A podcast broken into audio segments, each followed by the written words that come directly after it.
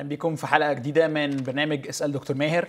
آه، إحنا بقالنا ثلاث مرات بنتكلم عن الصلاة أو أربع مرات كمان بنتكلم عن الصلاة. النهارده هي المرة الأخيرة اللي فيها هنناقش الموضوع ده مرة كمان آه، بس من توجه مختلف أو من منظور مختلف. إزيك يا دكتور ماهر؟ أهلا إيه؟ نعيما نعم الله عليك.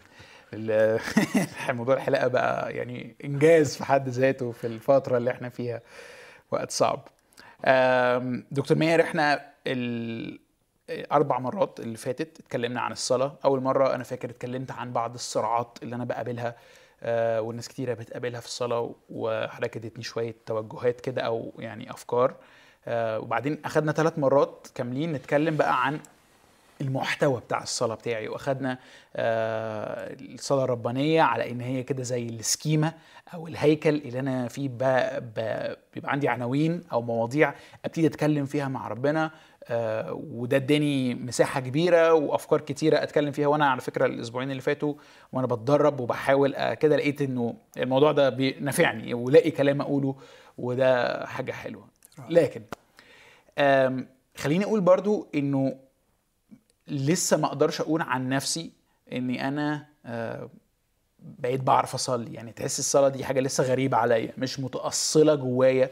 آه، حاسس إن أنا مستغرب نفسي وأنا بعملها و- ومش بتيجي ب- بسلاسة وبسهولة. كأني كأني عارف كأني لسه واحد بيتعلم يلعب آلة مثلا أو أو أو أت يعني أتعلم ألعب رياضة جديدة.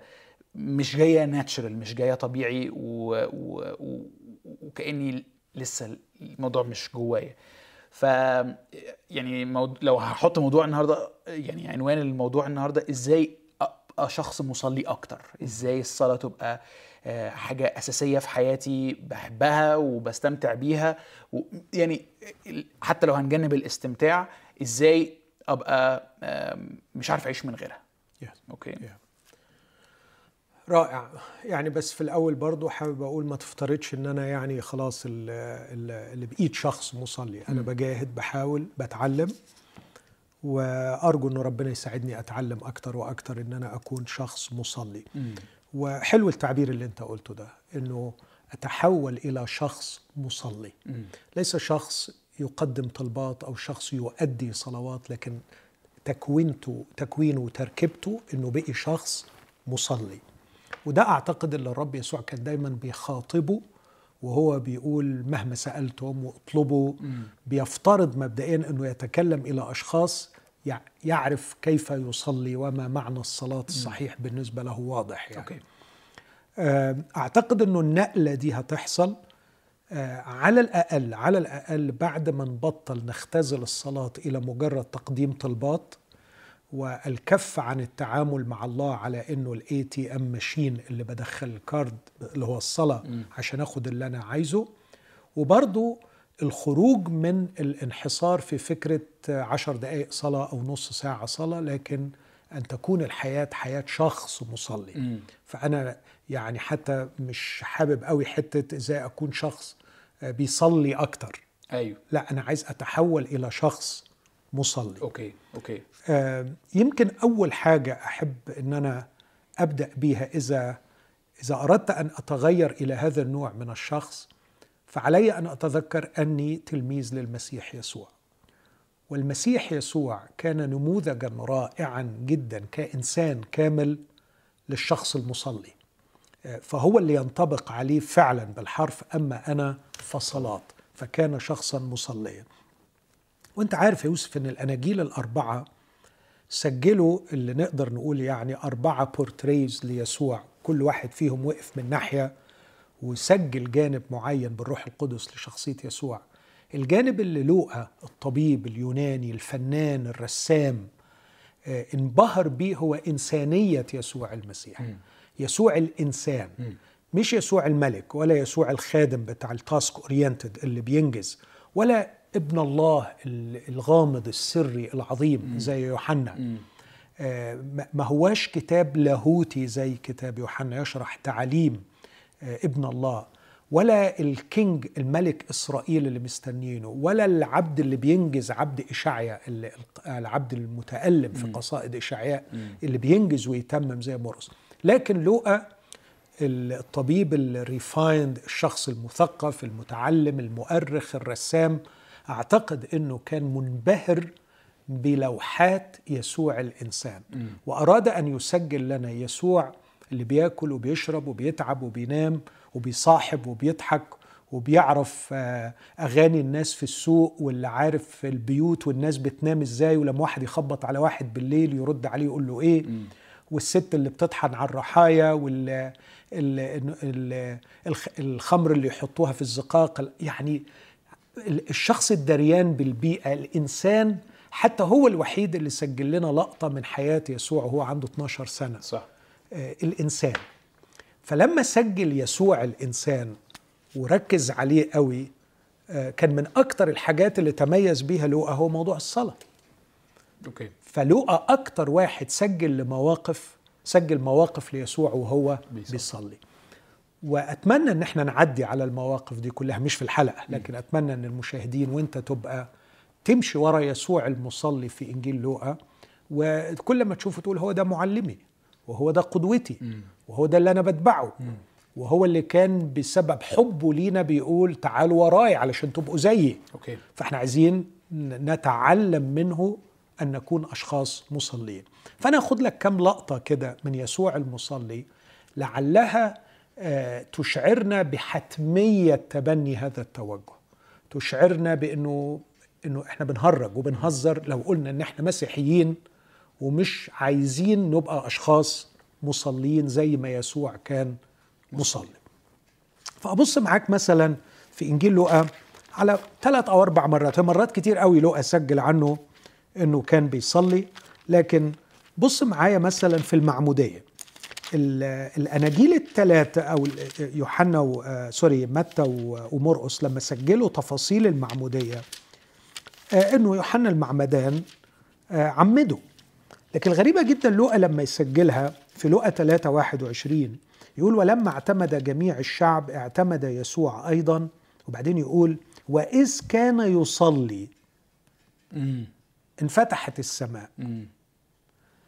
الغريب جدا إنه يعني في حدث المعمودية يسوع كان بيصلي يسوع كان بيصلي مم. أول مرة أخد بالي منها أنا ده يعني لما ببص لها بقول أنت إزاي قدرت توصل أن تعرف كيف تختلي بالله دون التشتت بضغط الحدث الاجتماعي المخيف مم. انت إزاي تقدر تنفصل عن حدث اجتماعي بهذا الحجم وبهذا الثقل؟ يوحنا معترض والجموع واقفة مستغربة لأنه آه، ده كان موقف غير مفهوم وموقف غامض. لأنه يوحنا بيقول على فكرة أنا لست مستحق أن أحل سيور حذائه. و و وأنت بتقد بتقدم على إنك المسيا okay. بس المعمودية دي معمودية التوبة. لمغفرة الخطايا مم. فاللي هينزل لمياه المعمودية هو الخاطئ مم. فأنت في موقف حساس وحرج وموقف صعب ويوحنا معترض وهو دخل في حوار وأول ما نزل في مياه المعموديه مياه المعمودية إزاي عرف ينفصل عن ضغط الحدث الاجتماعي مم. وأنا بشوف إن المصلي لما هيوصل إنه يبقى شخص مصلي هو الشخص الذي يعرف كيف ينفصل عن ضغط الحدث الاجتماعي اللي هو موجود فيه ويبقى قادر يرفع قلبه للرب ويكون على تواصل مع الله آه، وليس مشتتا بوجود الناس حواليه. حلوة دي. يعني يعني يعني لما حضرتك كتير مثلا بتقول يعني اجعل الأفكار الداخلية صلاة أو حوار مع الله الفكرة أو الصورة اللي بتيجي في بالي إنه مثلا لو أنا قاعد على الكمبيوتر في الشغل لوحدي أو لو أنا سايق في العربية آه، وأنا بكلم نفسي آه، أتواصل مع ربنا. بس كأنه حضرتك بتزود تقول إنه لأ ساعات وأنا حتى في موقف ساخن ممكن يبقى في ناس حواليا بتضغط عليا وأنا في مشكلة أو بتعامل مع ناس أو ناس منتظرة مني حاجة معينة. في الموقف ده برضو أنا بعرف أحول أفكاري إلى صلاة. أوكي. قدرة اتصالي مع الله نمت للحد القادر أن يجعلني أنفصل عن الناس من حولي دون أن أفقدهم أيوه. ودون أن أنعزل عنهم. مم. لكن لأنه الأمر حديث مستمر وعلاقة حميمة مستمرة فأنا لا أفقد هذه العلاقة بسبب ضغط الحدث المجتمعي اللي أنا عايش فيه. آه، دي طبعا دي لا تتخيل تنجدك في مواقف كتير. يعني مثلا نحمية آه، الراجل اللي أنجز الإنجاز العظيم في سفر نحمية اتعرض لضغط اجتماعي مرعب إنه آه، داخل يقدم الكاس مش مدي اخوانه أيوه. وبيقدم الكاس والملك يفاجئه ويقول له لماذا وجهك مكمد وأنت لست بمريض. دي فيها تطهير رقبة. أيوه. أنت داخل تبوس في وش داخل تبوس. الامبراطور آه وبتقدم له الكاس. فقدر في الموقف ده إنه يرفع قلبه ويصلي. فضغط الحدث الاجتماعي. وبعدين الملك لما قال له كيف بسرعة الرب ألهمه وقال له كيف لا يكمد وجهي ومدينة أبائي مهدومة وأسوارها مهدومة وأبوابها محروقة بالنار و والى آخره. فقال له طب عايز نعمل لك إيه؟ يقول فرفعت قلبي وصليت. صلى في قلبه. والرب اداله طلبة محددة جدا غيرت التاريخ. من اللحظة دي على فكرة دانيال بيحسب الأسابيع السبعين. من وقت صدور الأمر. ووقت صدور الأمر جاء بصلاة نحمية. Okay. فعايز أقول إنه الناس دي بتعرف تستغل الفرصة لأنها قادرة على الوجود في حالة اتصال مستمر مع الله. Okay. في آه، مثل تاني برضو في لوقا آه، ستة. آه، كل ال- الأناجيل سجلت أن يسوع اختار التلاميذ ال 12 بس لوقا هو الوحيد اللي سجل لنا هي ليلة صباحية اختيارهم. أوكي. قضاها إزاي يسوع؟ في لوقا 6 عدد 12 وفي تلك الأيام خرج إلى الجبل ليصلي وقضى الليل كله في الصلاة لله. ولما كان النهار دعا تلاميذه واختار منهم اثني عشر الذين سماهم أيضا رسلا. آه، عند الإقدام على القرارات المصيرية في الحياة ينبغي أن يكون هناك جهاد طويل في الصلاة. و- وده يحسسنا إنه الشخص المصلي هو شخص يشعر بأن الأفعال أبدية. الفعل يا يوسف في طبيعته أبدي. يعني ما تقدرش الفعل بعد ما فعلته تاندو يا للأسف. آه. وأنا نفسي أوجه رسالة للشباب فعلا من قلبي. وأقول لهم أرجوكم ما تستهتروش بالقرارات اللي بتاخدوها في الحياة ما تستهتروش بالأفعال اللي بتفعلوها ما تستهتروش بالاعداد اللي بتعودوها. كل قعده وكل فعل وكل قرار ليه هو eternal هو أبدي. آه، فعند بقى القرارات المصيرية والمهمة في الحياة آه، أنت محتاج تقضي وقت طويل في الصلاة. إذا ما كنتش تعودت إنك تقضي وقت في الصلاة قبل كل قرار إزاي هتقضي الليل كله في الصلاة من أجل القرارات الكبير الكبيرة والمهمة؟ فده أتعلمه من يسوع. Okay. بس الشيء الغريب هنا إحنا بنتكلم عن يسوع اللي هو ابن الله أيضا. كان يسوع يستطيع حتة لاهوتية شوية أن يستدعي ال- المخزون الإلهي آه، ويعتمد عليه لاتخاذ قرار خطير كهذا. لكن يسوع أراد أن يجتاز هذه التجربة ويخوض هذه التجربة كإنسان. فهمني في آه، الحتة دي؟ فاهم كويس. يعني عايز أقول الم- المخزون الإلهي المعرفي ككلية العلم كان حاضر باستمرار ويسوع بإرادته يقدر يستدعيه ويقدر كمان باختياره للتجسد والإخلاء إنه ما يستدعيهوش وفي مواقف استدعاه. يعني لما قال لناثنائيل قبل أن دعاك فيلبس تحت التين رأيتك. ده مش إنسان. صح. لما يقول للمرأة كان لك خمسة أزواج والذي معك الآن ليس هو زوجك. ده ده ابن الله. وعشان كده هي اتخضت منه. أيوة. وقالت له مسيا أنت مسيا ابن الله.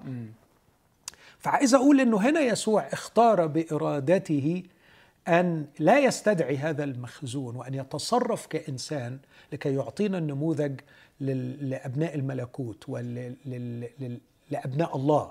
كيف يكونون وكيف يعيشون. أوكي. آه، حاجة أو حاجتين تاني وكفاية علشان ندخل إلى أكثر تفصيل لو بصيت معايا في لقا تسعة مرتين يذكر إنه بيصلي. في لقا تسعة 18 يقول بص التعبير ده من فضلك ودقق فيه وقول لي إيه اللي, اللي يلفت النظر فيه. وفيما هو يصلي على انفراد كان التلاميذ معه. كان التلاميذ معه. مم. إيه الغريب في العبارة دي؟ إنه كأنه فيها تناقض يعني. آه.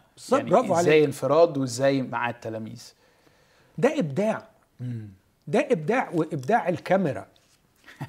كاميرا الفنان. أيوه. أنت إزاي بتعرف تلقط ال- ال- الحتت دي؟ مم. إزاي جبتها؟ دي ما حدش خد باله منها.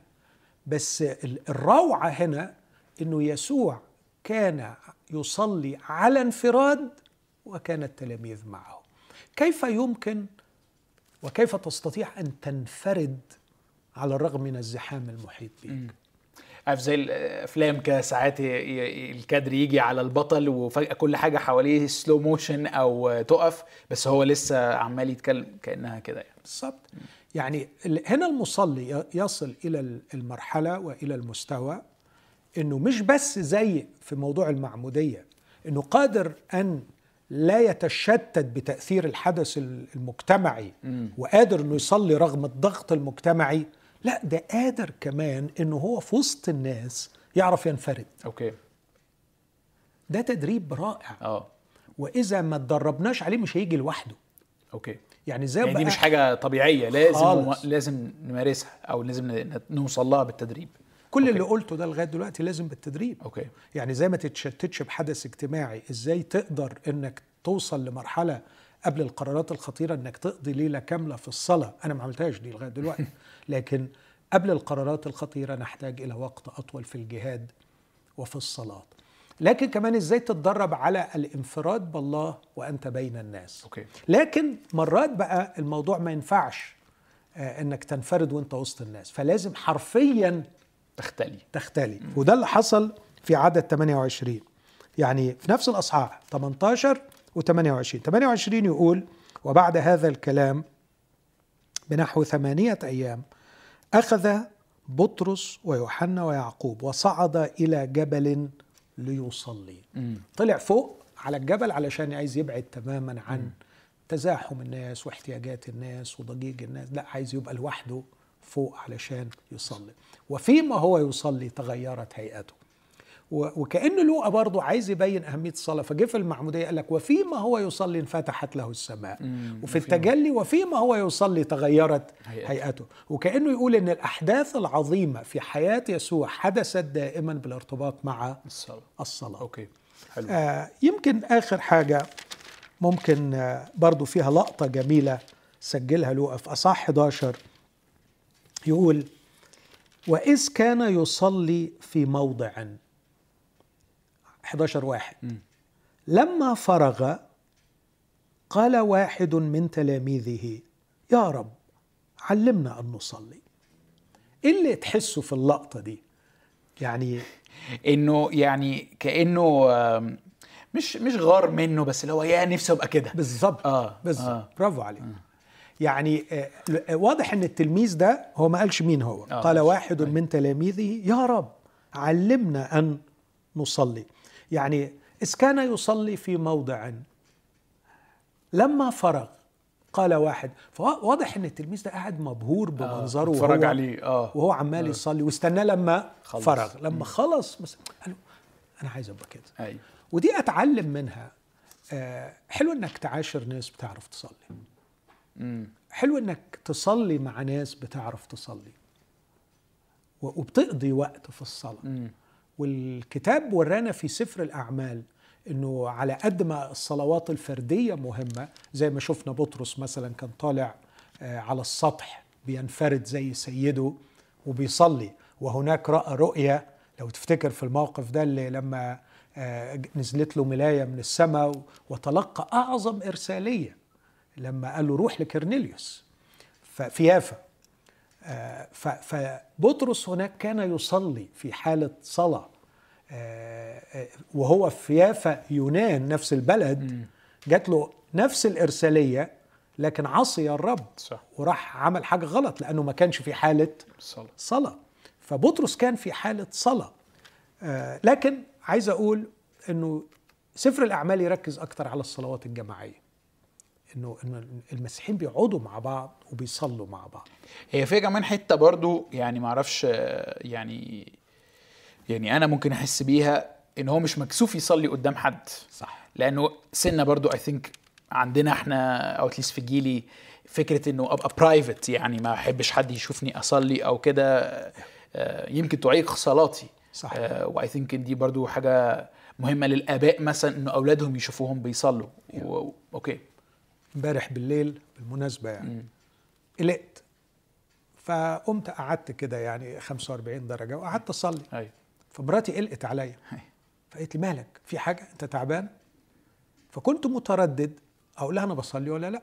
برضو كنوع من الخجل يعني. أيوه. آه. كأنه يعني أنت هتتروحن يعني أيوة. ولا بالظبط. لكن قلت لها بصلي.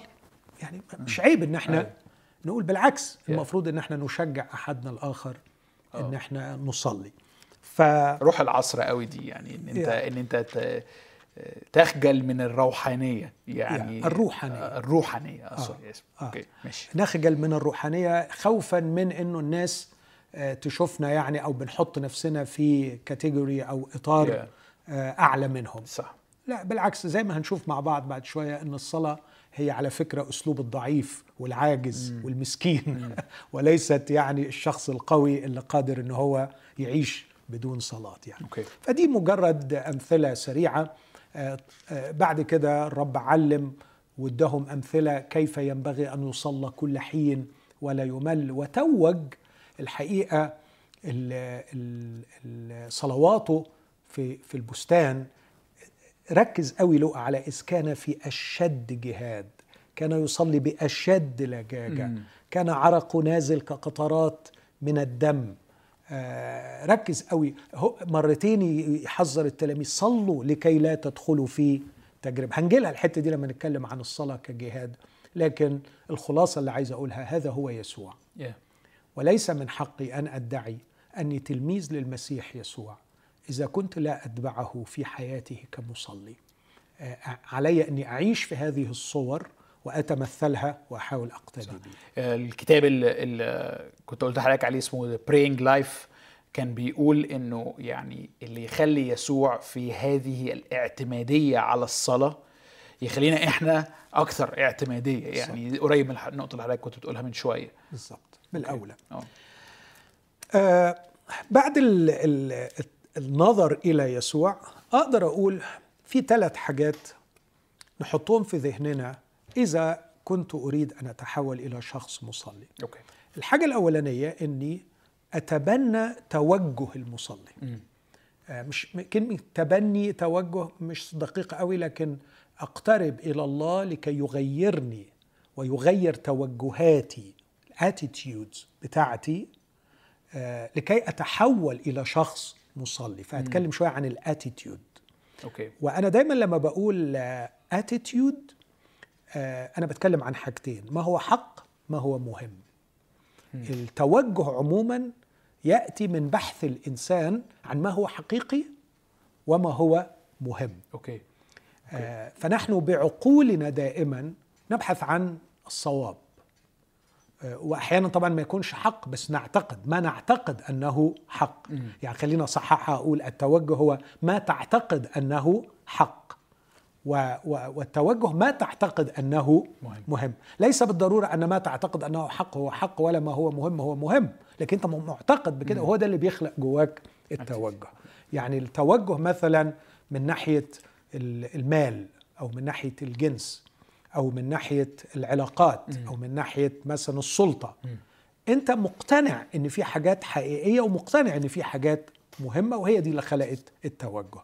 فلما هنقول إنه لازم يكون جوانا توجهات معينة تحولني إلى شخص مصلي وهقول إيه التوجهات دي؟ آه نحط بس تعريف يعني إيه توجه؟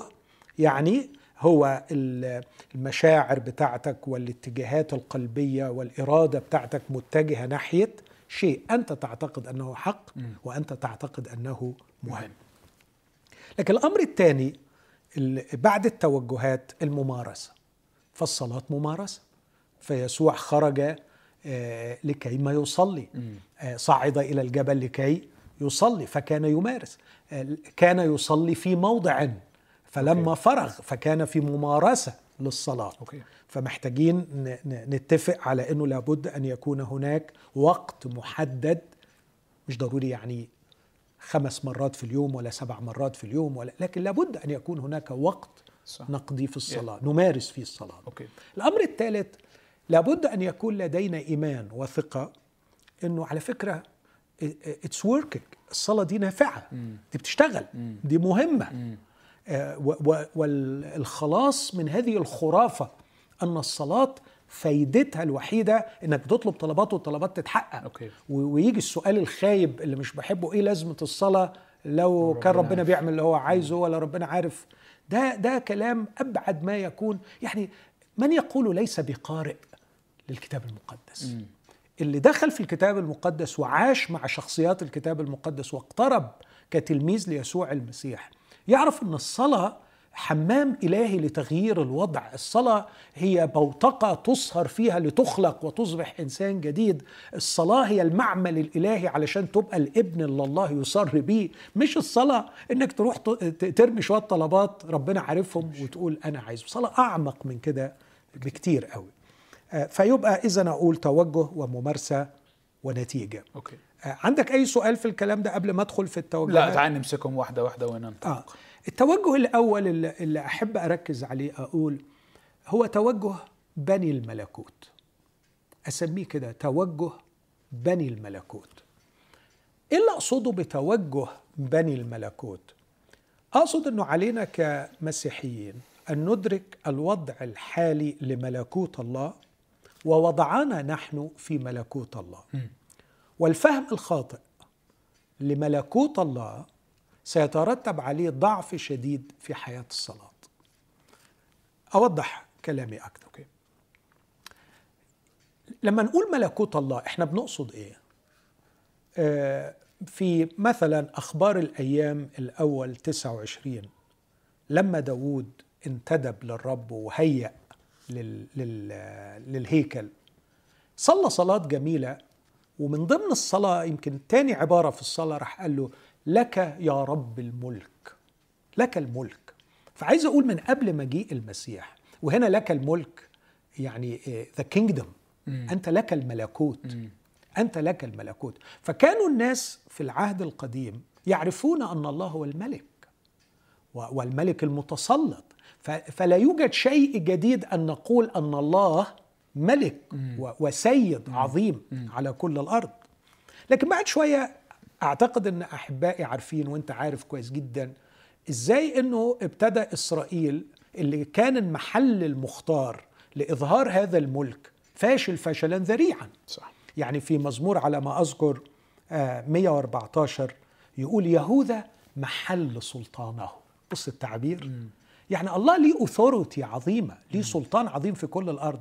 بس في نعمته اختار يهوذا ليكون محله المختار اللي يظهر فيه السلطان سلطانه وملكوته لكنهم فشلوا فشلا ذريعا ووصلوا إنه في قاعة العرش نصبوا الأوثان.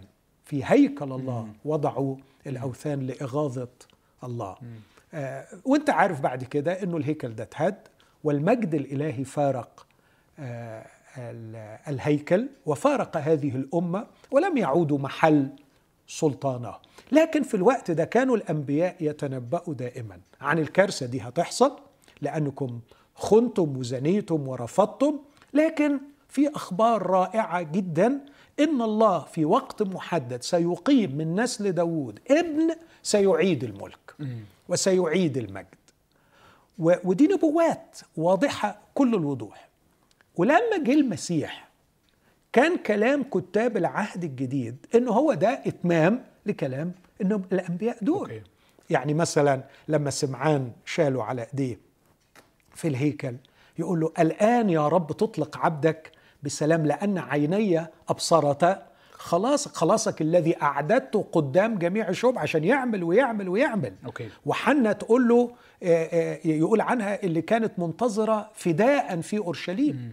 فتصور التلاميذ وتصور ال ال الأتقياء عن المسيح إنه هو ده الملك المسيا ابن داوود اللي جاي علشان يملك okay. ويقيم المملكة. okay. ويقيم المملكة في إسرائيل. ويقيمها حرفيا. ده كان تصورهم صح. واعتقد إنه هذا ظل يلازمهم حتى بعد قيامة المسيح. فالسؤال الوحيد اللي سألوه للمسيح الآن ترد الملك وهو. صاعد أيوة. هل في هذا الوقت ترد الملك لإسرائيل؟ لأنه إحنا شايفينك ماشي والملك ما جاش. إحنا مش شايفين حاجة فيزيكال مش شايفين حاجة حرفية أيوة. مش شايفين حرية أيوة. مادية على الأرض. فإيه الحكاية؟ أكيد أكيد أكيد أنت مش ناسي كلامك ووعودك وهترجع. فهل في هذا الوقت؟ فهم يسألون عن الميعاد لأن الأمر مقرر. هم شايفينه حقيقة مش بيقولوا له هيحصل ولا ما يحصلش. أيوه. هم بيسألوا عن التوقيت. ويسوع ما لغاش كده. لكن قال لهم اعرفوا طبيعة الزمن. مم. ليس لكم أن تعرفوا الأزمنة والأوقات التي جعلها الآب في سلطانه. لكن أنتوا في مرحلة خاصة جدا أرجوكم افهموها يا بني الملكوت. إيه المرحلة دي؟ المرحلة دي أن الملكوت له بعد روحي إسرائيل عمرهم ما فهموه. وحتى المعلم بتاعهم نقديموس عمره ما فهمه. وبيقول له هو أنت ولا مش أنت؟ قال له بص مش هتقدر تعتب الملكوت إذا لم تولد من فوق. ودي ما فهمهاش. إن كان أحد لا يولد من فوق لا يقدر أن يرى ملكوت الله. في بعد روحي يا نيقوديموس المسيح لن يملك على خطاة أشرار. المسيح لن يقيم مملكة قوامها رجال يحبون العالم ويحبون الأوثان. ما هو المشروع فشل. ما هو لما حاولنا نقيم المملكة على أشخاص لمجرد أنهم نسل إبراهيم المشروع فشل. صح. المرة دي هنقيم الملكوت برعاية مولودين من الله. أوكي. وهذا هو زمن البعد الروحي للملكوت. ومن هنا تأتي الكلمة اللي بيقولوها اللاهوتيين. The already and not yet. It's already. الملكوت موجود لكن ليس بعد. بعد. البعد الروحي ده اللي لما في مرة بيسألوه في لوقا 17 متى يأتي ملكوت الله؟ قال لهم لا يأتي ملكوت الله بمراقبة. ملكوت الله مش له علامات حسية. وعشان كده البعض راح تطرف وقال طالما ما لهوش علامات حسية يبقى هو كده حاجة غامضة. قال لهم لا اوعى حد يضحك عليكم فيقول لكم ها هو هنا أو هو هناك فتجروا هنا. لا هو مش كده. ها ملكوت الله داخلكم. الملكوت في شخص الملك. عندما يقبل الملك يسوع. يعلن ابتداء الملكوت. طيب بس عشان ما يعني إيه الأفكار عجباني بس أنا مش عارف لسه أشوف الكونكشن مع الصلاة. أيوة. مع- أنا معلش أفرش مقدمة طويلة. أيوه. ومرة نبقى ناخد حلقة عن الملكوت. okay، لأنه موافق. في غاية الأهمية. موافق. الملكوت النهارده ليه البعد الروحي. okay. بس الملك مشي على وعد امم أنه سيأخذ ملكا ويرجع. okay. سيأخذ القرار من الآب الذي قال له اجلس عن يميني حتى أضع اعدائك موطئا. لقدمك وسيعود المسيح ملكا عظيما على كل الأرض.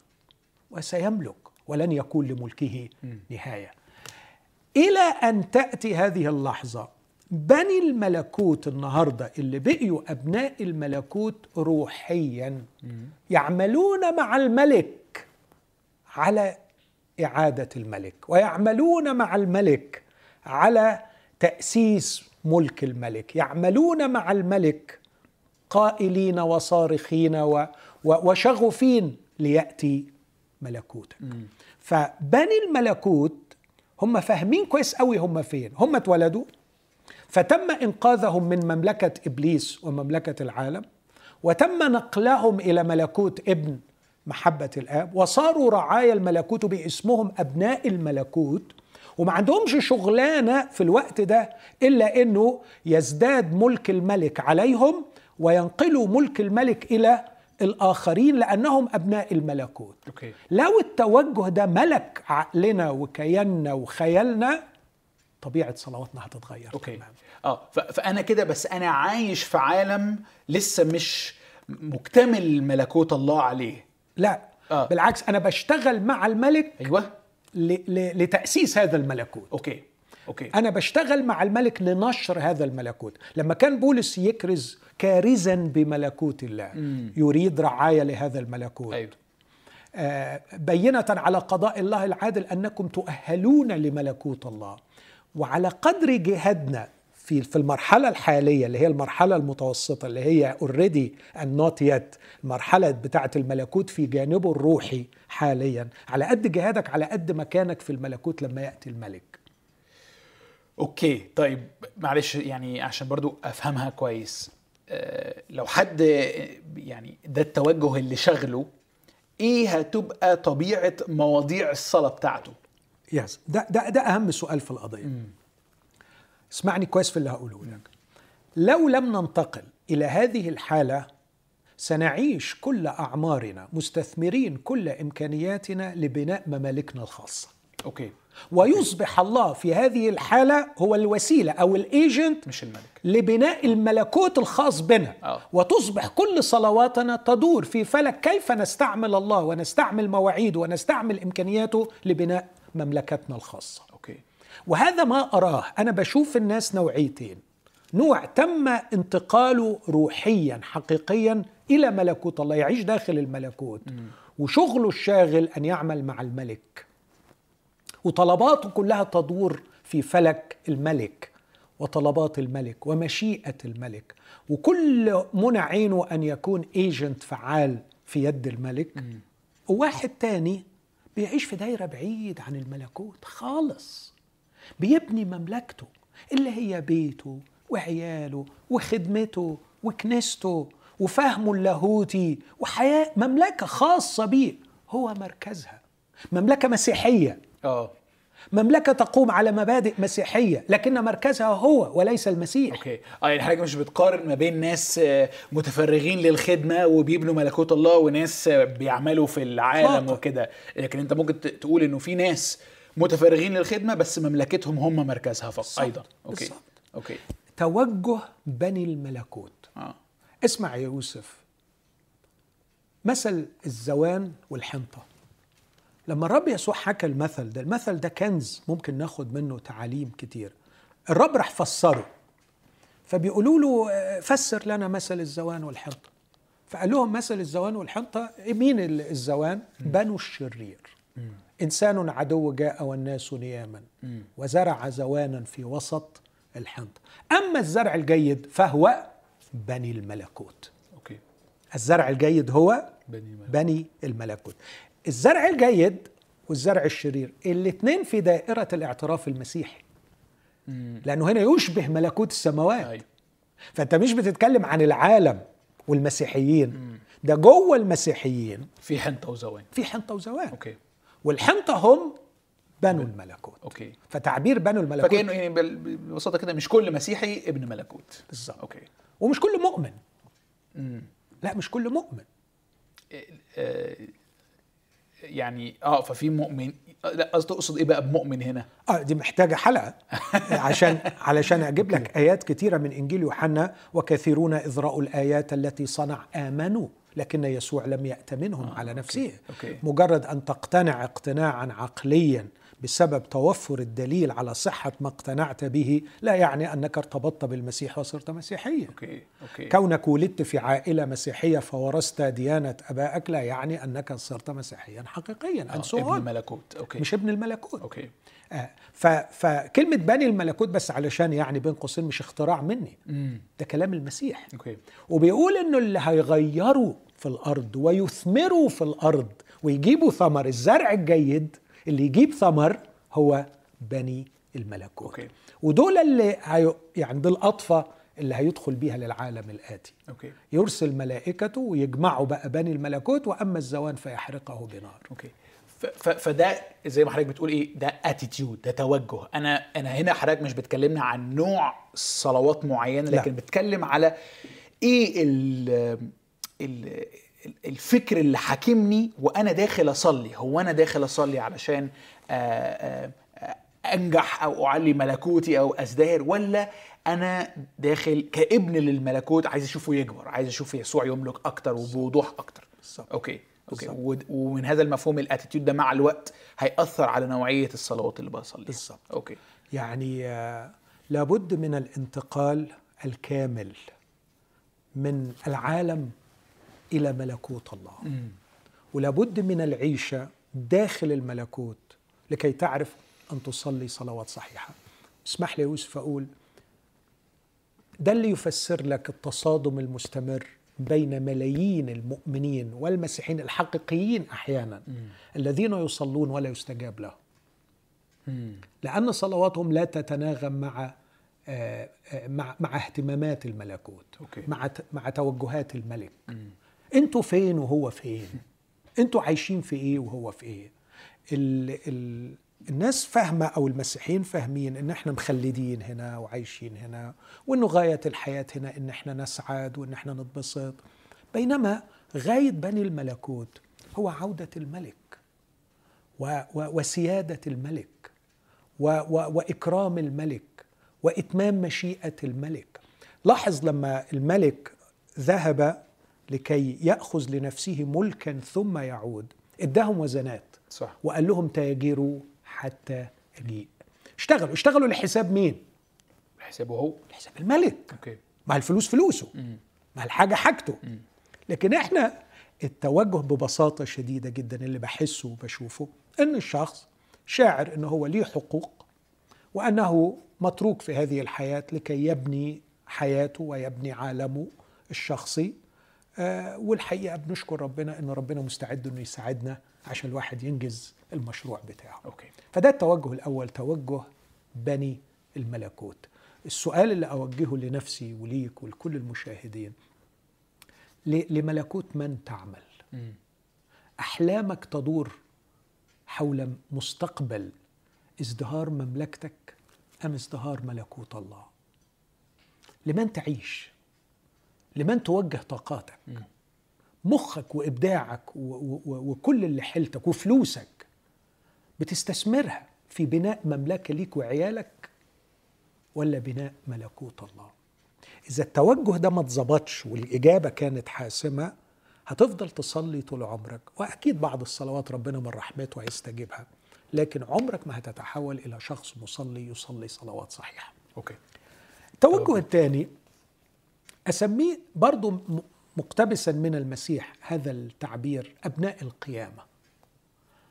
أبناء القيامة. و- و- وده التعبير اللي الرب استعمله لما اتكلم عن اللي هم آه، أبناء القيامة. هم أبناء الله زي الملائكة لا يزوجون ولا يزوجون لكن حسبوا أهلا لحياة الظهر الآتي فدول أبناء القيامة.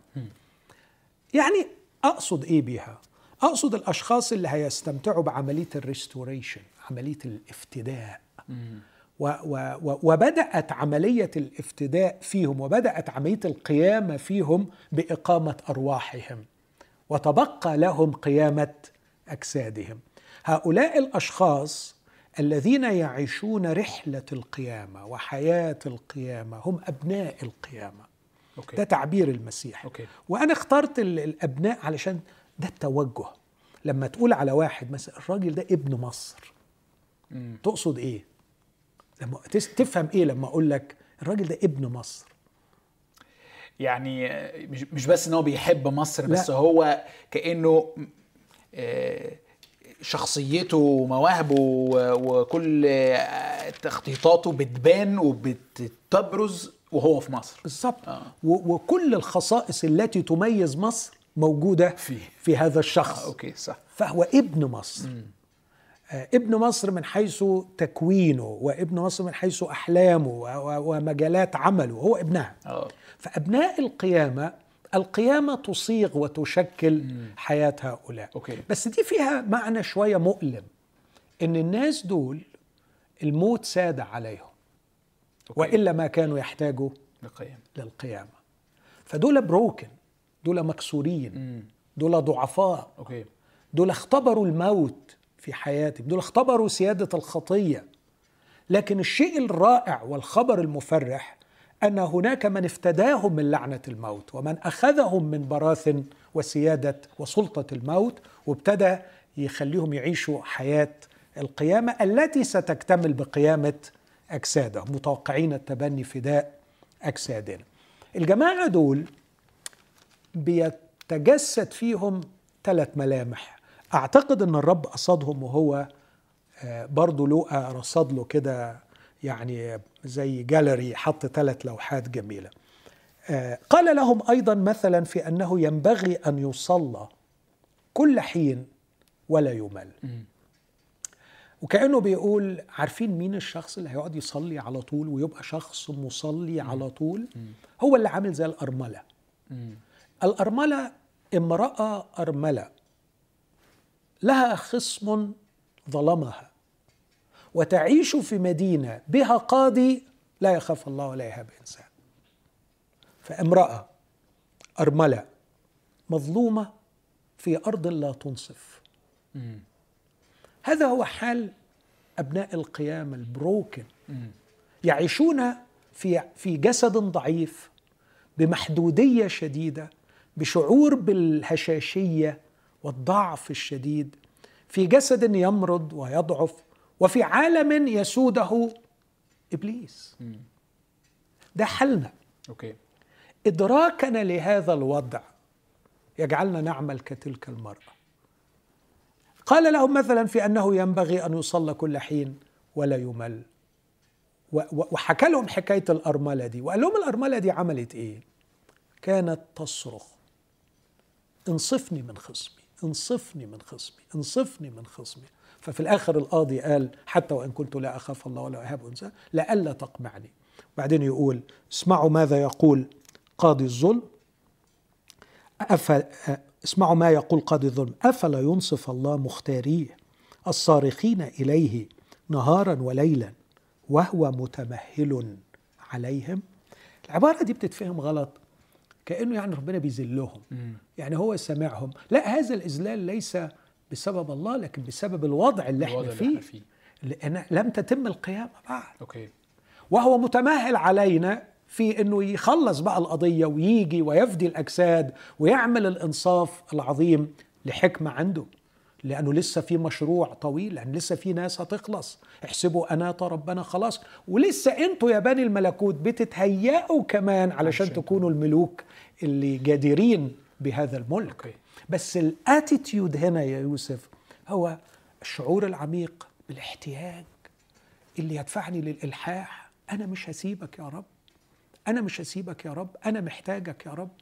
عدم الوعي بالضعف عدم الوعي بالمحدودية والعجز عدم الوعي بالشر الموجود في العالم لا يخلق فينا توجه المصلي آه والعكس أوكي. بقى الوعي بيهم خليني مرعوب فتعبيرك أبناء القيامة مش آه، الصورة اللي بتيجي أول ما سمعت التعبير إنه الناس ماشية صدرها عالي وبتوجه انتصاري لقد انتصرنا وهكذا لكن بالعكس دي ناس منكسرة وحاسة باحتياجها ومستنية القيامة وعشان كده بتصرخ وعلشان كده مدركة ضعفها ومدركة العالم الفاسد اللي هي عايشة فيه وإنه هيحتاج صراخ وهيحتاج إعداد وهيحتاج اعيش في جسد أوكي. مكسور أوكي. في قلب عالم مكسور يسوده إبليس الشرير. آه، عشان كده لازم اصلي لازم اصلي أوكي. أوكي. دي دي وبعدين هم اختبروا افتداء الروح في الداخل. آه فمشتاقين للافتداء الكامل بقى للأجساد.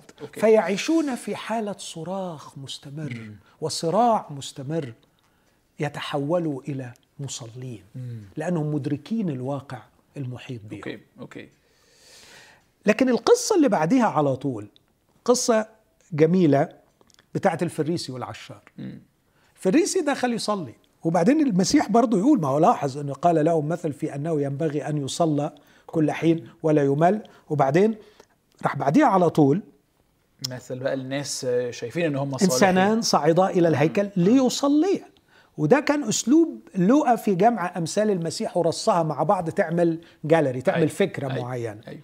واحد فريسي والآخر عشار. أما الفريسي فوقف يصلي في نفسه هكذا. اللهم أشكرك. إني لست مثل باقي الناس الخاطفين الظالمين الزنات ولا مثل هذا العشار. أصوم مرتين في الأسبوع. دي ممكن نبقى لو بقي وقت في آخر الصلاة أقول يا ريته ما صلى. يا ريته ما صلى. لأنه ده تشويه للصلاة.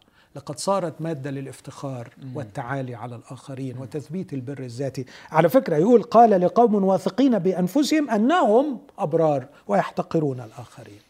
أما العشار فوقف من بعيد وهو يقرأ على صدره لم يشأ أن يرفع عينيه إلى السماء بص, بص الفنان برضه. أيوه. من بعيد لا يشأ أن يرفع عينيه للسماء قرأ على صدره. اللهم ارحمني أنا الخاطئ. كلمة ارحمني ارحمني هنا قدم لي كفارة.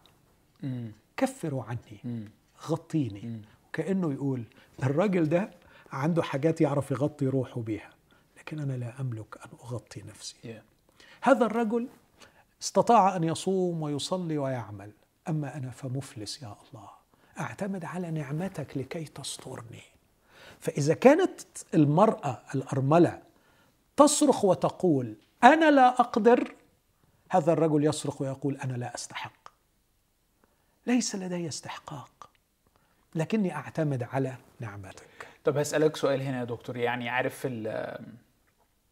يعني في في في آه، فكر كده بيحاول يقول إنه هذا النوع من إن أقعد أقول لنفسي أنا أنا محتاج أنا منكسر أنا ما عنديش حاجة أنا لا أستحق أنا ما ما أعرفش أغطي روحي آه، مش healthy يعني مش مش كويس ليك بيقلل ال confidence بتاعك وربنا مش عايزنا نشوف نفسنا أقل من وضعنا الحقيقي في الطريق.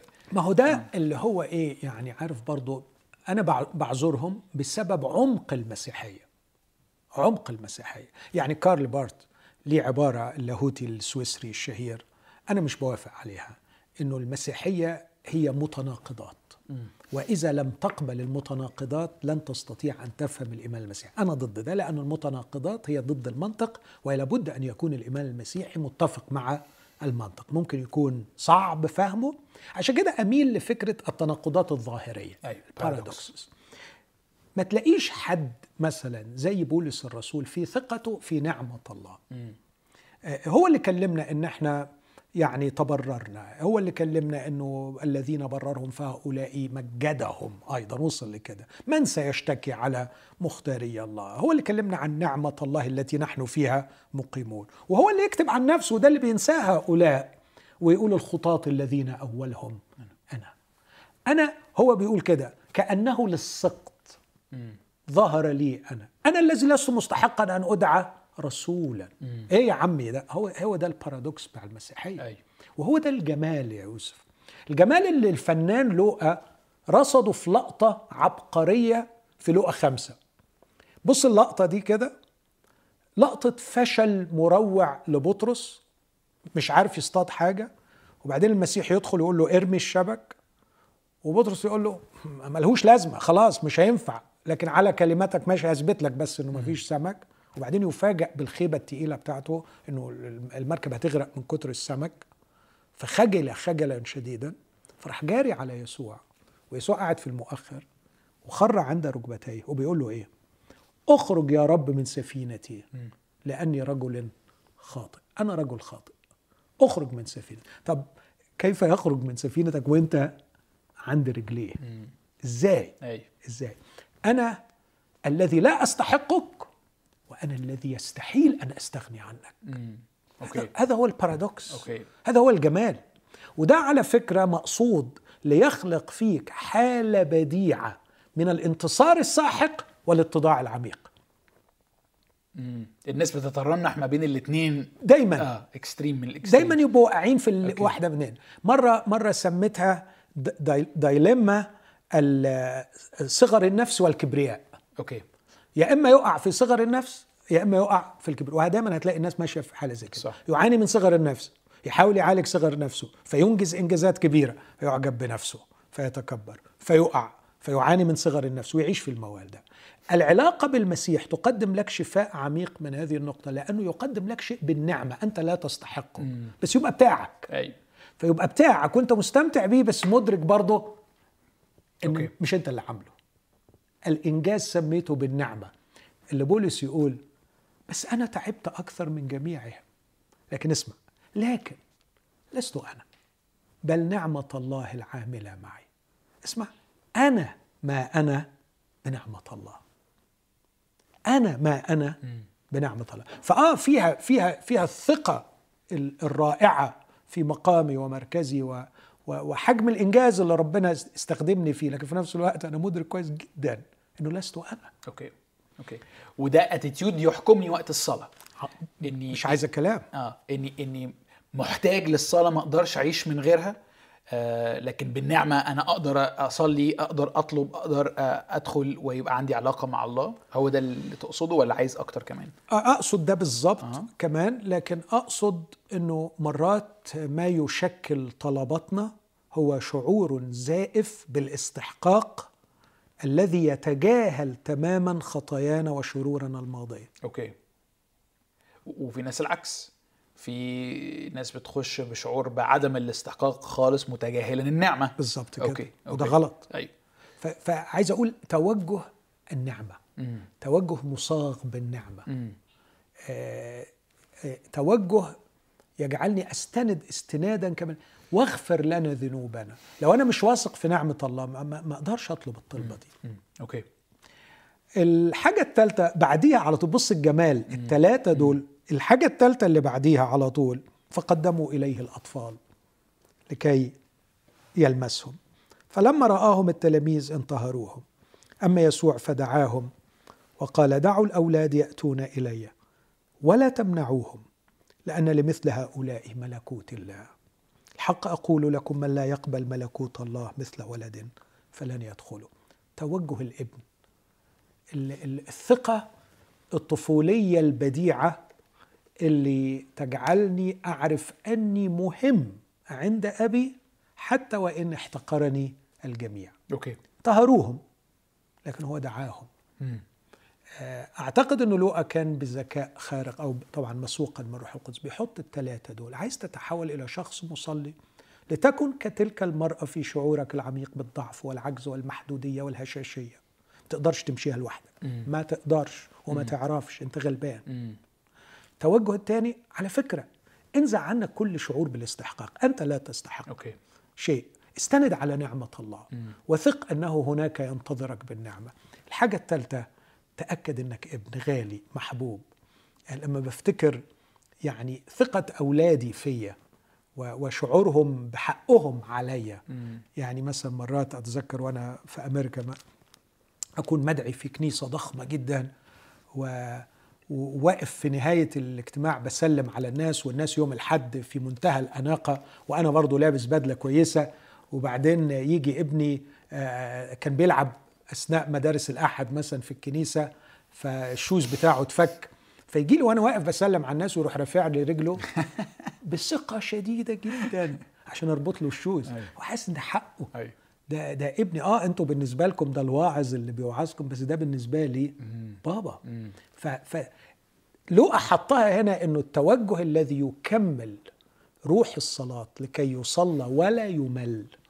هو أن يكون لديك توجه الابن الواثق. وفي حتة الابن الشعور بأنك مهم على الرغم من شعورك الحقيقي بعدم أهميتك في هذا العالم. أوكي. آه أنت مش مهم في هذا العالم. ومش المطلوب أنك تكون أهميتك من من هذا العالم لكن أهميتك عند أبوك السماوي. أوكي. فده التوجه الثاني. التوجه الثالث والأخير بقى يجمع الاثنين. التوجه الأولاني بني الملكوت تقدر تشوف فيه النص الأولاني من الصلاة الربانية.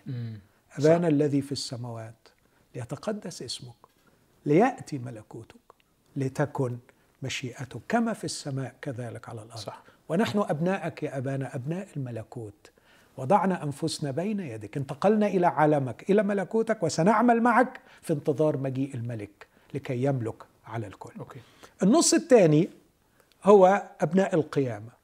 لكن أيها الآب ما زلنا نعيش في عالم مكسور. في احتياجات كثيرة في جسد مكسور في عالم يسوده إبليس. أيوه فخبزنا كفافنا اعطنا اليوم. واغفر لنا ذنوبنا. كما نغفر نحن أيضا للمذنبين إلينا. هي نعمة خدناها منك وهنوصلها للآخر. إحنا ما نستاهلش وعشان كده لازم نغفر لهم. لكن كمان لا تدخلنا في تجربة نجنا من الشرير. ده توجه أبناء القيامة الذين بدأ مشروع الفداء الريستوريشن فيهم وسيكتمل بقيامة الأجساد ومجيء المسيح. أقدر أجمع بقى الاثنين مع بعض وأقول لهم أبناء الله. فنحن أبناء الله. وأبناء الله بولس هو اللي ركز عليها في رومية 8 و... و... وأقدر بس ألفت النظر إلى غياب روح العبودية. في أبناء الله. فالصلاة الربانية وتوجه المصلي ولن تتحول إلى شخص مصلي لو أنت عندك روح العبودية للخوف. أوكي. روح العبودية هي الروح التي يخلقها الدين. مم. الدين يخلق عبيدا لكن الإيمان المسيحي يخلق أبناء. الدين يخلق عبيدا بمعنى أنك تظل باستمرار على قد فلوسك على قد اللي بتعمله. صح. صليت قد إيه؟ هتاخد قد إيه؟ عشت قد إيه هتاخد قد إيه. لكن بولس يقول هذه الكلمات في رومية 8 عدد 14 لأن كل الذين ينقادون بروح الله فأولئك هم أبناء الله. بص العبارة دي أهميتها يا يوسف أو الباراجراف ده زي طبيعة بولس إنه ال- ال- العبارات طويلة قوي أيوة. بتاعته. هي اتقسمت أعداد وده خادع تقسيم الأعداد لأن هي عبارة واحدة بتبقى أيوة. فبص يقول إيه مثلا؟ يعني لو رجعنا 13 إن عشتم حسب الجسد فستموتون لكن إن كنتم بالروح تميتون أعمال الجسد فستحيون. طب إزاي بالروح نميت أعمال الجسد؟ لأن الذين ينقذون بروح الله أولئك هم أبناء الله. إزاي نميت بالروح أعمال الجسد؟ أننا ننقاد بروح الله. طب إزاي ننقاد بروح الله؟ يقول آه تنقادوا بروح الله لأنكم لم تأخذوا روح العبودية للخوف بل أخذتم روح التبني الذي به نصرخ يا أبا الآب. يعني أنتوا لأنكم أبناء ما عندكمش هذا الخوف اللي يمنعكم من أنكم تنقادوا بروح الله. يعني طول الوقت شغالين على طول يا أبا الآب يا أبا الآب يا أبا الآب. أنتوا طول الوقت بتتكلموا طول الوقت بتصلوا طول الوقت داخلين. إيه الحكاية؟ لأن إحنا أبناء. إحنا مش عندنا فرض ديني هندخل الساعة كذا نصلي وعلى قد صلواتنا هيدينا. ف فتحولوا إلى أشخاص أحرار يتكلموا مع الآب طول الوقت في الصغيرة والكبيرة فصاروا منقادين بروح الله. ولما بقيوا منقادين بروح الله لأنهم قادرين طول الوقت يقولوا يا آبا الآب آه، أصبحوا بالروح يميتون أعمال الجسد. بقى الجسد مش نشط فيهم ومش شغال فيهم وبقي في حكم الموت لأنهم عايشين في هذه الحالة. الروح نفسه أيضا يشهد لأرواحنا أننا أولاد الله. فإن كنا أولادا فإننا ورثة الله.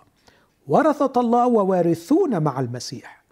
إن كنا نتألم معه لكي نتمجد أيضا معه. attitude أولاد الله هو مزيج من الألم والمجد. okay. بص العبارة إن كنا نتألم معه لكي نتمجد معه. نتمجد أيضا معه. وده paradox تاني. أيوه. في نظرنا الألم ما فيهوش مجد. والمجد ما فيهوش ألم. لكن الأشخاص المصلين اللي توجههم بني الملكوت أبناء القيامة أولاد الله اللي عايشين في حرية مع أبيهم الروح فيهم منطلق بحرية يصرخ يا أبا الأب. يا أبا الأب في أكلنا في شربنا في لبسنا في فسحنا في علاقتنا في مشاكلنا في صراعاتنا في خزينا وفي انتصاراتنا. أبا الآب أبا. وحطها هنا بالأرامي. أبا. وليه حطها بالأرامي مع أنه كان المفروض يترجمها؟ عشان دي نفس التعبير اللي يسوع كان يسوع بيستخدمه بيستعمل okay. كأنه يقول أنتوا حليتوا محله هنا. okay. هو وهو طالع قال لمريم اذهبي قولي لإخوتي إني أصعد إلى أبي وأبيكم. كما كنت أكلمه أنا. فاكر لما بدأنا الحلقة؟ أيوة. يسوع المصلي بيحطنا في نفس ال position في نفس المقام بتاعه. قولوا يا أبا الآب أنتوا غاليين ومحبوبين على الآب في كل شيء. قولوا يا أبا الآب وتكلموا معاه. آه هذا التوجه سيجعلكم حتى في وقت الألم تشعرون بالمجد. فالمجد قادم. ويوجد مجد من الآن يتحقق هو مجد الكيان. وليس مجد الأوتر شيل. ليس مجد الجسد ومجد الوضع العالمي لكن نتغير من مجد إلى مجد إلى تلك الصورة عينها فهناك مجد يتحقق وهناك مجد يتوقع والاثنين شغالين وأنا في عالم الألم. فده توجه أولاد الله. أوكي. إذا حطينا الثلاث توجهات دول يا يوسف أعتقد أنه مش بس كمية صلواتنا هتكتر وده مطلوب لكن الأهم هو نصلي صح. صح. عمق الصلاة هي هي, هي يعني هيبقى أوسع. صحيح. رأيي. صحيح. طيب إحنا قدامنا تقريبا 20 دقيقة. أوكي؟ عايزين ناخد فيهم ال- الممارسة. ممارسه والنتيجة. ما أعرفش يمكن النتيجة دي تظهر لوحدها يعني أو هتبقى مفاجأة ما أعرفش. بس آه أحاول أختصر. آه. يعني في الممارسة أقول أول حاجة في الممارسة الجهاد. آه، إحنا قرينا عن المسيح في إنجيل لوقا إذ كان بأشد أو إذا كان في جهاد يصلي في جهاد. لكن خليني مثلا آه، آه، الرسول بولس آه، واخد بولس علشان في رسالة واحدة أشار مرتين للجهاد في الصلاة. وهشرح يعني إيه جهاد في الصلاة.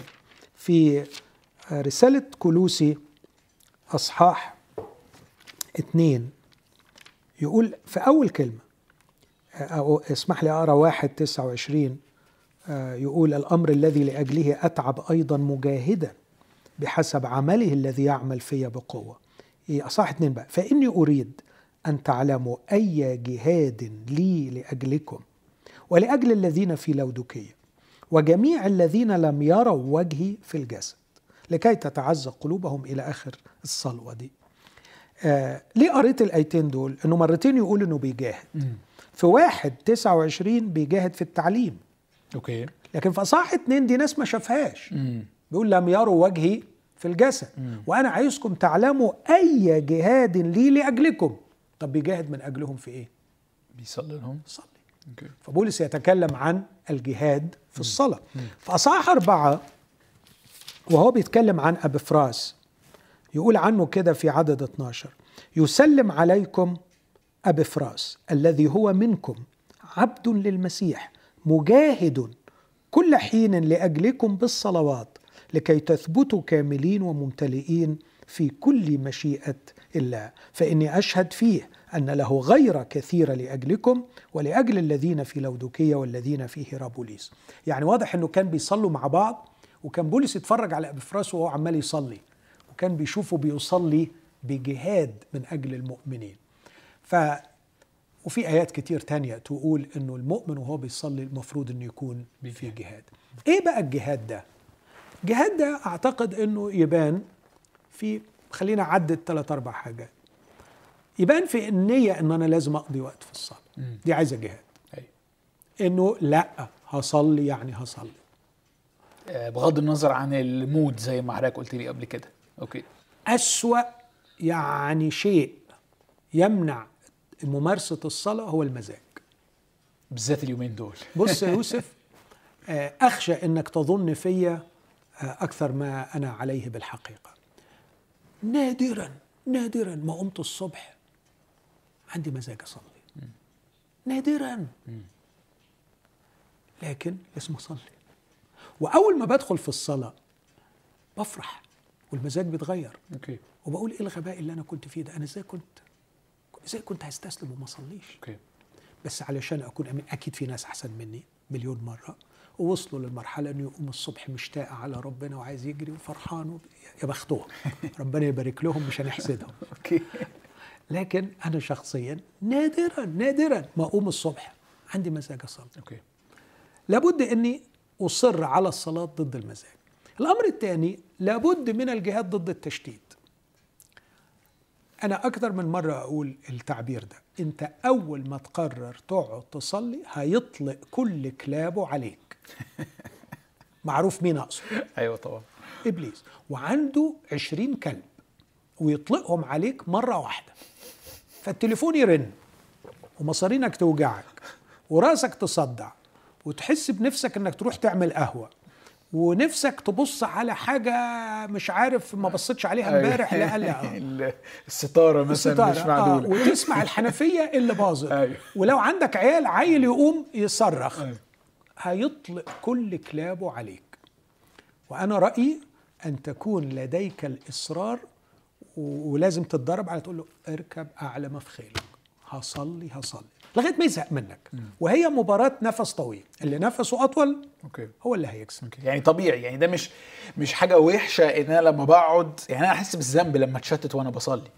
ده ده ما يبقاش طبيعي اللي ما يتشتتش. okay. لابد إن العقل اللي مشغول بمليون حاجة إنه يجمع شتات نفسه ويركز في علاقة مع غير المنظور ما هيش عملية سهلة. okay okay. وإبليس بقى دي فرصته. أيوه. لأنه لو قدر لو تفتكر في رسائل خربر سي إس لويس. أيوه. قال له أنا سمعت إن واحد من زباينك راح للعدو. أيوه. ومش العدو اللي هو الله في اللي هو ال- الله. آه، ومش. هتفلت من العقاب. بس ابدأ بقى يعني عندي خبر كويس ليك وخبر وحش. الخبر الوحش هتتعاقب. لكن الخبر الكويس إن كتير منهم بعد ما بيروحوا بيرجعوا لنا. بس أول حاجة تعملها امنعه من إنه يصلي. احذر من إنك تسيبه يصلي. أوكي. ف فالجهاد في انه إنه لازم ما استسلمش للمزاج والجهاد في إني لا أستسلم للتشتيت آه، ده ممكن مثلا لو أنت عارف إنك أول ما بتقوم الصبح آه، بتروح تقعد في حتة معينة يبقى كويس إنك تروح تقعد في حتة معينة تصلي يا ريت لو تغسل وشك علشان تبقى قاعد فايق. okay. تبعد الموبايل عنك تعمله silent وتحطه في حتة بعيدة. وعلى فكرة مش تخرب الدنيا ابدا ابدا ابدا. لو أنت يعني ركنت نص ساعة بعيد آه علشان ما تبقاش بتزود على نفسك. تشتيت آه يعني حاول لو تقدر تحط حتى سماعة ولا حاجة بحيث إنك يعني ما تتشتتش بأصوات آه تحصل سماعة فاضية يعني مفيش حاجة آه. مفيش حاجة شغالة فيها بس كأنه plug يعني يعني. okay مثلا أنا مرات كنت أشعر إنه طول ما أنا في البيت مش قادر أصلي لاعتبارات كتير فكنت مثلا أنزل أروح أمشي في آه، النادي مثلا أو على الكورنيش أو في أي حتة وأحط برضو السماعات وأبدأ أتكلم بصوت عالي. okay. وعلشان الناس ما تتصورش إن أنا بهلوس. فأنا حاطط سماعات. كأني. بكلم في التليفون لكن الحقيقة أنا بكلم ربنا لأني مصر أصلي بصوت عالي. okay. ويمكن الوسط اللي أنا موجود فيه أو الظروف اللي أنا موجود فيها ما تسمحش. آه يعني يمكن فعلا دي نصيحة كويسة لأي حد بيتشتت إنه الصلاة في سرك مش مش مش هتبقى سهلة. يعني يعني بالعكس علي صوتك و... واعمل صوت مرات آه، كنا ش- مع بعض في المدرسة أيوه. مثلا فما كنتش أعرف أصلي الصبح بصوت عالي أيوة، وأنت. معايا في الأوضة. صح. فكنت أنزل أمشي. آه. ل- ل- لمسافات طويلة بحيث أقدر أتكلم مع ربنا صح. كل اللي أنا نفسي فيه. صح. فالجهاد ممكن بالكتابة. أحيانا الواحد يضطر يصلي إنه يكتب مم. لأنه عايز يركز. مم. والحقيقة الصلاة بالكتابة بتجيب لك أفكار كمان صعب إنها تجيلك بالكلام صح تلاقي روحك بتشوف الأمر بشكل أفضل آه الجهاد في الصلاة إنه أخليه أكتر من مرة في اليوم آه اللي هو الوقت أيوه. اللي أقضيه يعني أيوه. ممكن في بداية اليوم ونهاية اليوم أو أثناء اليوم آه وقت كده لقيت روحي قاعد لوحدي أستغله في الصلاة آه. آه. كل دي يعني أقدر أحطها تحت الجهاد أول شيء في الصلاة الجهاد. الأمر الثاني الصلاة حوار. وأقصد بالحوار أنه أثناء الصلاة حاول أنك بعد ما توصل لحالة التركيز والكلام مع الله أنك تصمت وتنتظر أن الله يتكلم إليك. والله يتكلم بالصوت الخفيف الهادئ. آه، والله مش محتاج الوسائل الحسية من مسموع ومرئي لكي يتكلم إليه. الله روح ويستطيع أن يتواصل مع روحي مباشرة. يعني أنا دلوقتي وأنا بتواصل معاك يا يوسف أنا في الآخر بوصل لك أفكار. صح. مظبوط؟ بس الأفكار اللي كانت في روحي وصلت لروحك من عقلي لعقلك عن طريق إيه؟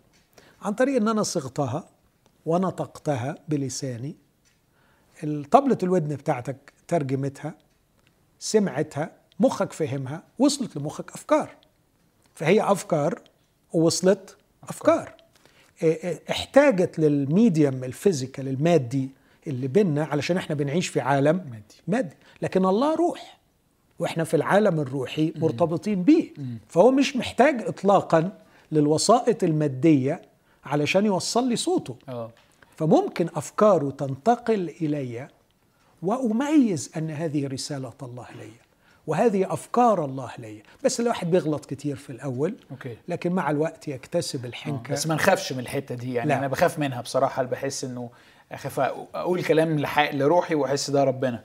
بس يعني I think مرة اتكلمنا على إزاي أميزها أميز أفكاري من الأفكار اللي ربنا بيديها لي. أيوه بس أنا نفسي برضو إن إحنا يعني آه، نتشجع ونثق إن الله يتكلم إلينا. okay. آه, آه لا نتطرف. بس هنا برضو هنيجي عارف لو التوجهات الصحيحة موجودة آه صح. الحماية من الخطأ موجود. بتزيد. okay, okay. لا آه بتزيد. الحماية بالظبط. بتزيد. بتزيد. آه لو أنت عايش في ملكوتك هتسمع كل حاجة تعجبك. صح. يعني. صح. وبعدين أنا بقول إنه الحكاية دي على فكرة آه، مش يعني صعبة ولا غريبة. ليه؟ لأنه أنت حتى في التواصل الحسي أنت بتسمع اللي أنت عايز تسمعه. صح.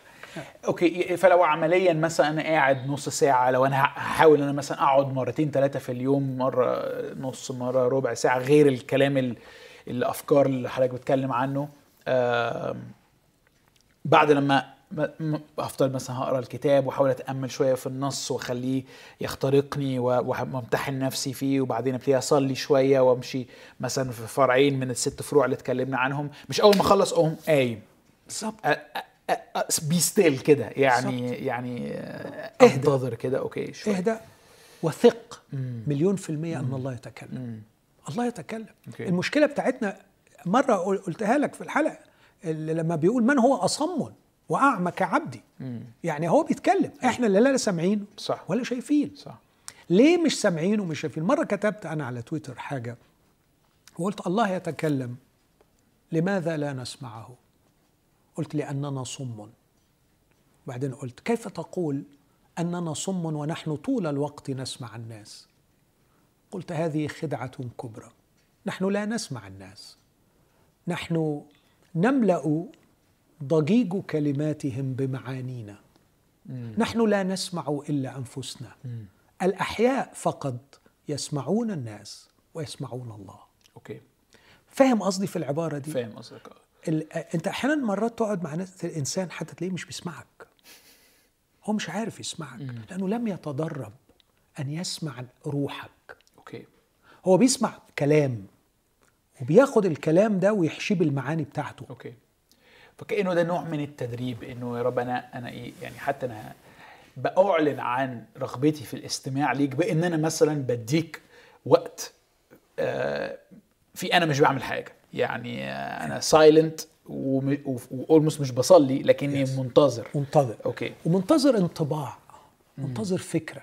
وأكيد أنت جربت مرات كتيرة وأنت بتجهز خدمة وأنت عايز تكلم شعب الرب بكلام الرب وأنت عايز تقابل حد معين إنه جات لك أفكار مستحيل تكون منك. آه لا كتير بتحصل معايا بالظبط. صح. فثق إن الله يتكلم. ومش بس للخدام لكل إنسان. لكن علينا أن نهيئ أنفسنا للاستماع إلى الله. صموئيل كان لسه ما عندوش التدريب فكان الله يتكلم وهو مش عارف فيجري على. عالي. الكاهن فهذا التدريب في غاية الأهمية وينمو ويتطور مع الوقت okay. وطبعا نمتحنه بعد كده والامتحان بتاعه جزء رائع من تطوير شخصياتنا لأن همتحنه في ضوء كلمة الله ال- الف- الفكرة اللي جاتني هل هي أكيد بتتفق مع الكتاب أيوة. المقدس همتحنه مع أخواتي المؤمنين بأن أنا أشاركهم وأشوف آرائهم فبنمو وتطور روحيا من صح. خلال ال- الرسالة اللي وصلتني. أنا حاجة يعني شخصيا أنا ساعدتني سنة في الحتة دي إني يعني في رغبتي إن أنا أحاول أزود الأوقات اللي بقعد فيها إني أحددها على الكالندر بتاع اليوم أو على الأجندة بتاعت اليوم. لأنه خليني أقول إيه العالم مليان options فلو سبتها بظروفها لما أفضى ممكن ما تفضاش. صح. بس مثلا فأنا هقول إنه إيه من 8 ل 8 ونص من أربعة ونص لخمسة ومن عشرة لعشرة ونص. دي هعتبرها dates يعني أو مواعيد مقدسة كده. مش هحاول كده. مع الوقت ما بقتش محتاج أعمل كده لأنه خلاص اتعودت إني لازم أعمل كده. بس لو أنا بصارع بالأول just to maintain أو إن أنا أزرع العادة آه، غالبا هحتاج إن أنا آه، أخطط ليها يعني. والرب يسوع كان عنده ال- العادات. Yeah. كان بيكون لنفسه عادة إنه يقرأ كان بيكون لنفسه عادة إنه يروح يصلي. كان بيكون نفسه عادة إنه يروح المجمع. فالعادة تكوين العادة في الأمر ده مهم. آخر حاجة أقولها في الممارسة ال- الاتزان في المجموعات الستة. يعني دايما آه، يكون الشخص في الممارسة بتاعته في الصلاة يدرب نفسه إنه ما يركزش في جانب ويهمل بقية الجوانب. لأنه غالبا لو هتسيب نفسك فالجانب اللي هيستهلكك دايما هو احتياجاتك الشخصية. صح. هو صح. النص الثاني أيوه. الحرب الروحية علاقاتك وهتنسى الأهم والأساس ليتقدس اسمك. معرفة الله. يعني النهارده أنا قعدت أص- أصلي كتير يا رب. آه، قدني في الكتاب لجزء يكشف لي أكثر عن شخصيتك. آه، محتاج مشتاق يا رب. وبعدين ما ما فيش حاجة مش عارف أقرأ فين وقريت حتت في الكتاب لكن ما حسيتش قوي وبعدين ربنا فعلا قدني بطريقة عجيبة لكتاب كان محطوط جنبي.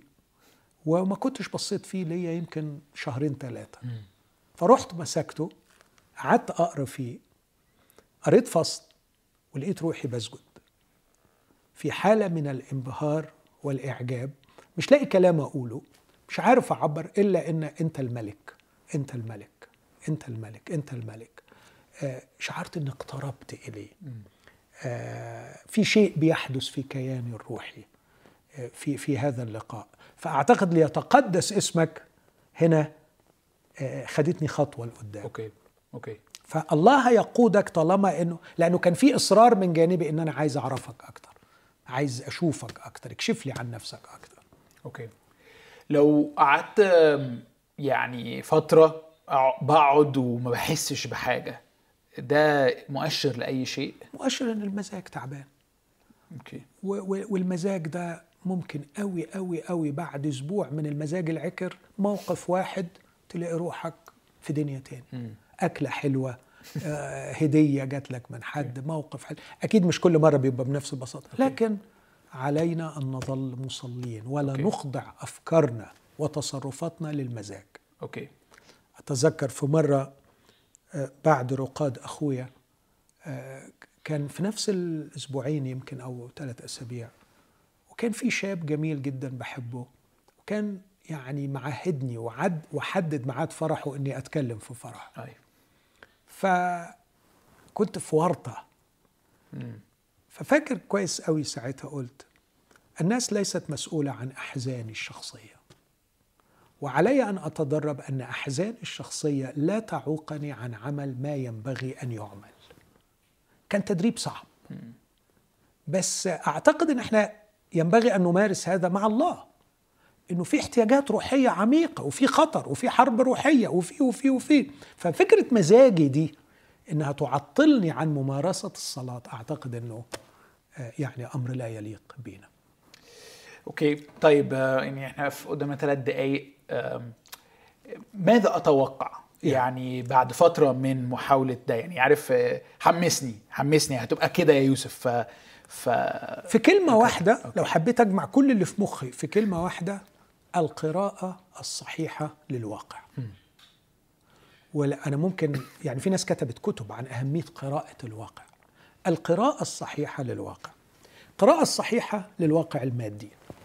شوف الناس على حقيقتها. ده وانت قاعد قدام ربنا. ده مش استجابة الصلاة. آه. ده فعل الصلاة وانت قاعد. أوكي. قر- قراءة الع... تشوف معنى اللذة على حقيقتها تشوف المال على حقيقته تشوف الجنس على حقيقته تشوف العمر على حقيقته. عارف دخلت إلى مقادس الله وانتبهت إلى إيه ده؟ إيه ده؟ إيه ده؟ إيه, ال- إيه, إيه الغيبوبة اللي أنا كنت فيها؟ okay. قراءة الواقع الروحي على حقيقته. شوف الواقع الروحي. إشعيا آه عفوا أليشع بكل ثقة يقول يا رب افتح عيني الغلام لكي يبصر. طب وانت مش عايز يقول أنا شايف. شايف الواقع الروحي. okay. مطمئن جدا وعارف إنه الجبل مملوء خيل ومركبات نار لحماية فقراءة الواقع المادي قراءة الواقع الروحي قراءة صحيحة ورؤيته بشكل صحيح. رؤية نفسك بشكل صحيح. روح لإشعيا خمسة. تلاقي إشعيا خمس مرات ويل لدول ويل لدول ويل لدول. إشعيا ستة أول ما دخل إلى محضر الله ويل لي. في قراءة النفس بشكل صحيح. فقراءة العالم المادي قراءة العالم الروحي وقراءة النفس. ودول بقى عايزة حلقة كل واحدة من دول. أوكي. قراءة الله بشكل صحيح. رؤية الله بشكل صحيح. أساف يقول له إيه ده؟ أنت ليا ومعك لا أريد شيئا في الأرض. آه، آه، داود في وادي البطن يقول لجوليات يحبسك الرب اليوم في يدي. وبص حتة بتاع قد كده. وجوليات ده يعني عمارة متحركة. وبيقول له يحبسك يا رب لأنه رأى الله رأى جلاله. لما ظهر إله المجد لأبينا إبراهيم ظهر له إله ما يعرفش إزاي شاف الله. لكن كانت النتيجة إنه أصر إنه لا يمكن يسكن في بيت. وعاش غريب يقول أنا خلاص أنا عايز أروح عنده وأسكن عنده. فرؤية الله بشكل صحيح. فتغيير القراءة للواقع من هذه القراءات السطحية التي تقود إلى سلوكيات خاطئة وقرارات خاطئة إلى قراءة صحيحة يترتب عليها القرارات الصحيحة. أوكي يعني أتمنى إنه آه، يعني أصلي إنه إنه فعلا أوصل لحاجة زي كده وأكبر فيها. اتعلمت منك كتير قوي قوي يا دكتور ماهر. وأنا يعني متحمس أجرب أكتر آه، ده وأحاول أمتحن نفسي. المرة الجاية هيبقى عندنا وقت فيه هنركز فقط على الأسئلة اللي جاية من حضراتكم من سليدو.